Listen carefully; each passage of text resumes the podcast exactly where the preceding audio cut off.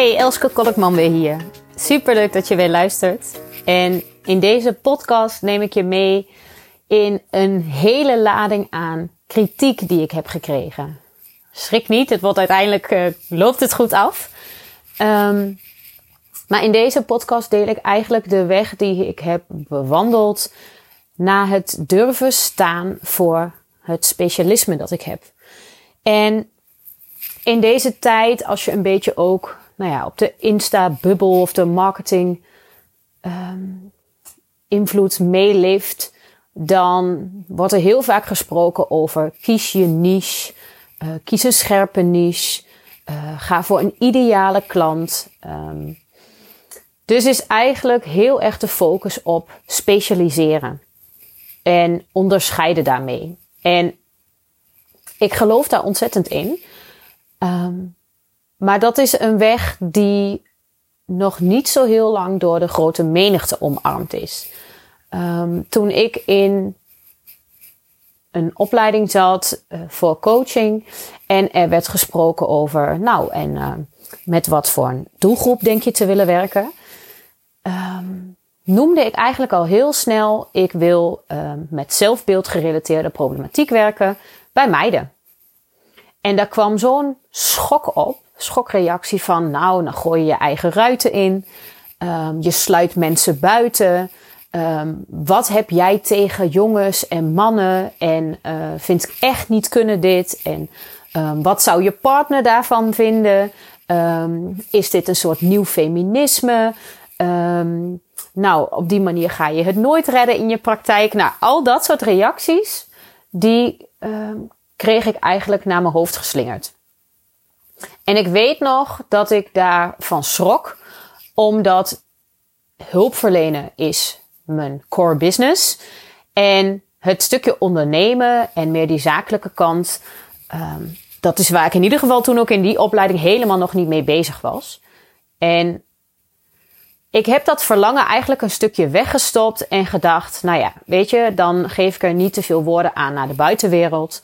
En ben toen in eerste instantie naar buiten toe gericht ook mijn praktijk gestart voor kinderen, jongeren en hun ouders. Met vervolgens echt een waslijst van, nou, tig, tig dingen. Met wat voor dingen je allemaal bij mij terecht kon.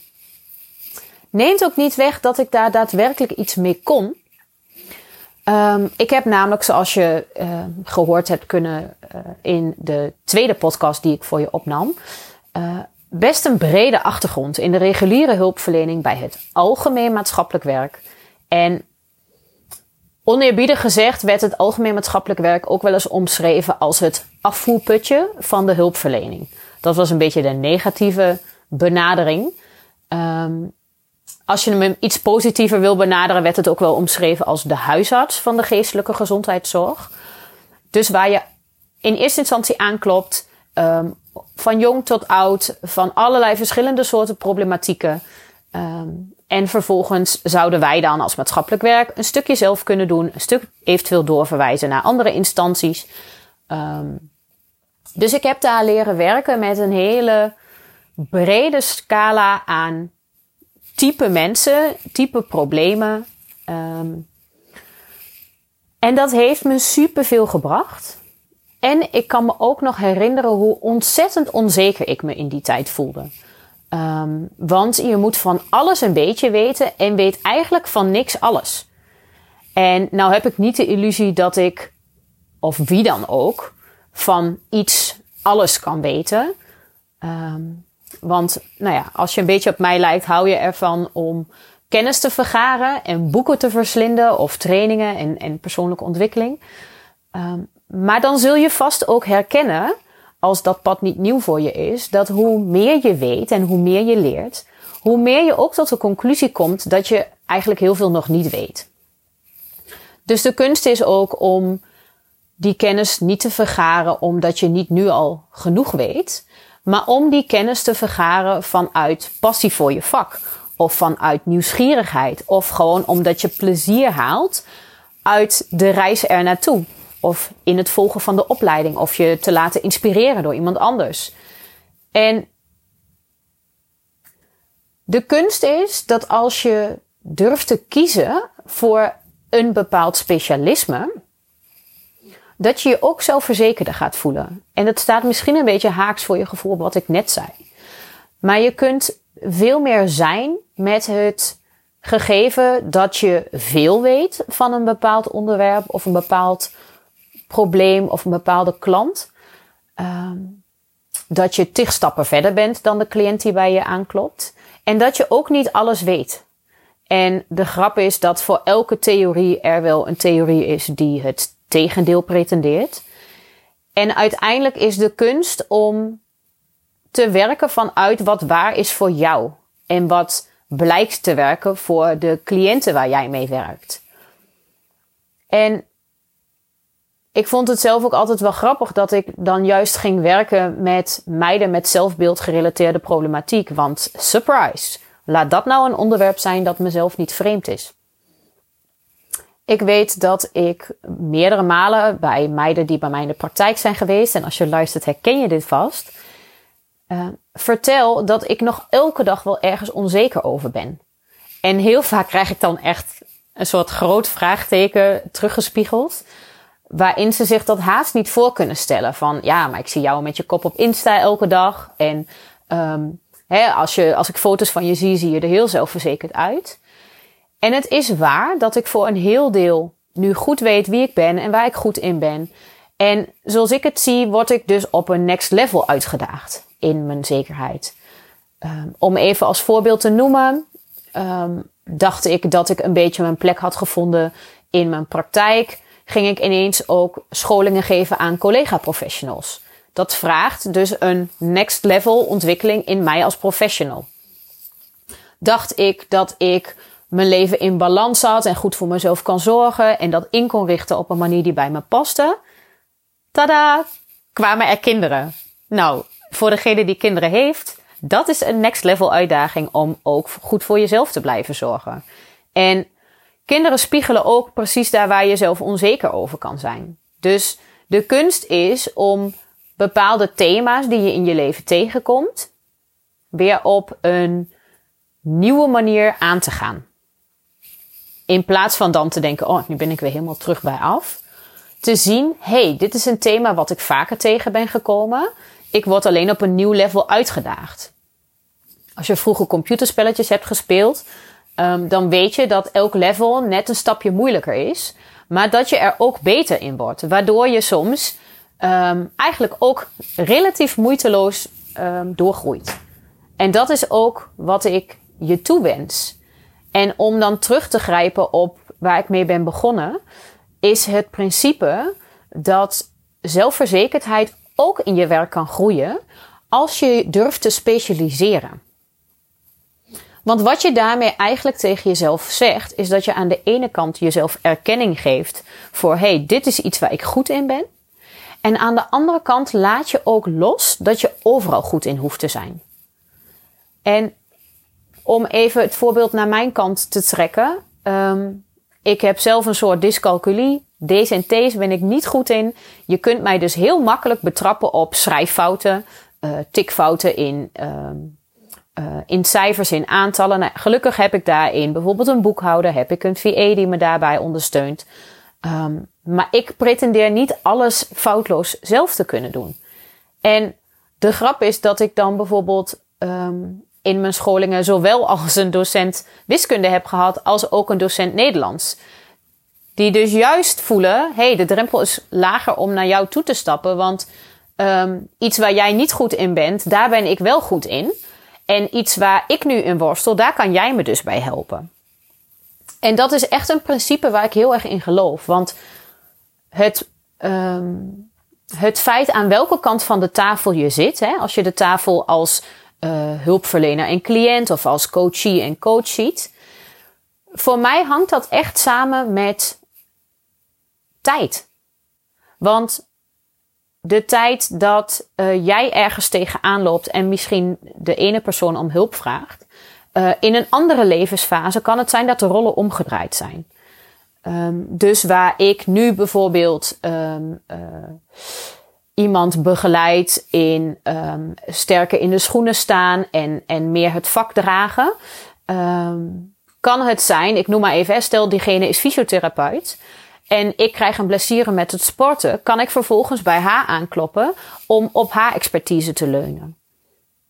En het kan heel goed zijn dat als je bijvoorbeeld um, um, in de geboortezorg werkt, dat je daar ook mee te maken krijgt.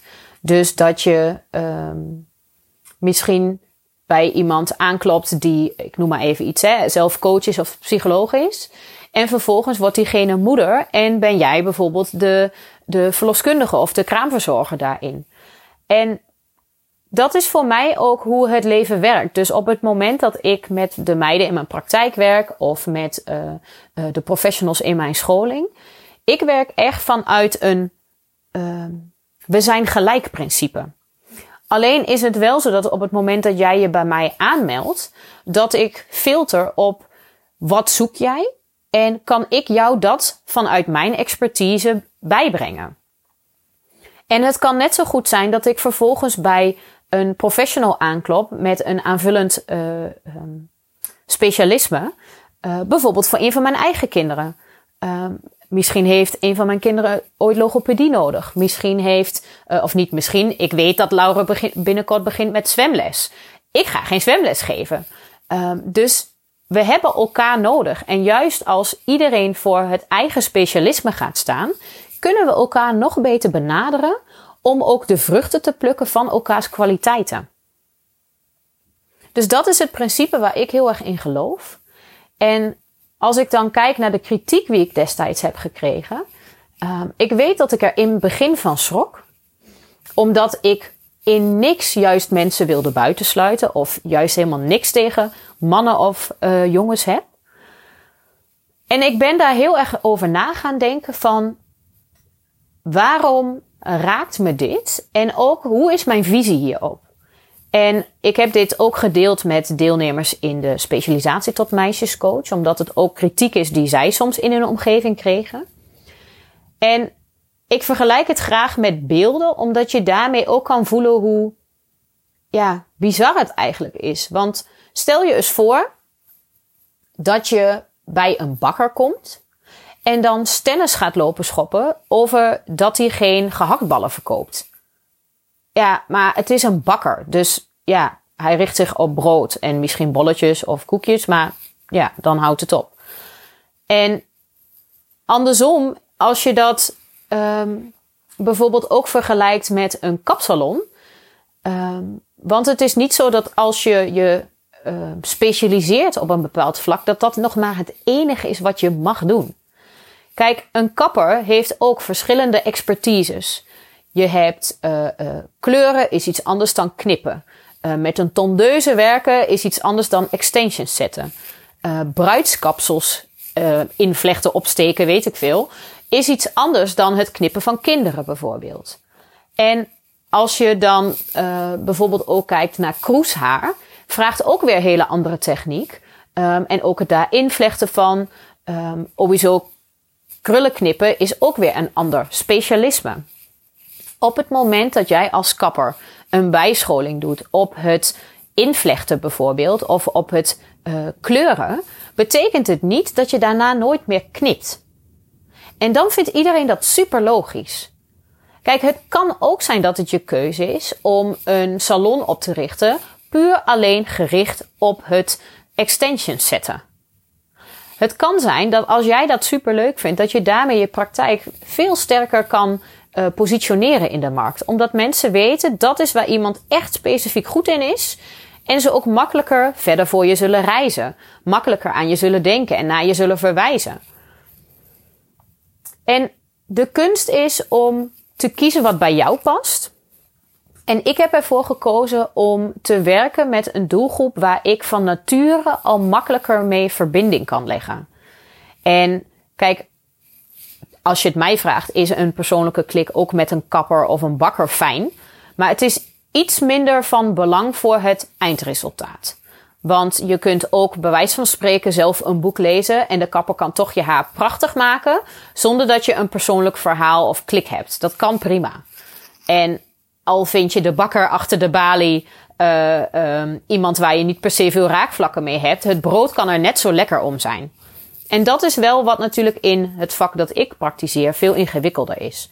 Omdat het vermogen tot verbinding en je uh, te durven openen en je te lagen te dragen in je proces, wat ook heel spannend en, en pijnlijk en kwetsbaar kan zijn, dan is die persoonlijke klik des te belangrijker. En als je het mij vraagt, is dan juist het kiezen voor een specialisme dat heel dicht bij je staat, een gouden zet. En gooi je daarmee niet alleen je, gooi je daarmee niet je glazen in, maar wel het glazen plafond. Nou, vind je dat niet een mooi bruggetje? Vond ik zelf leuk gevonden.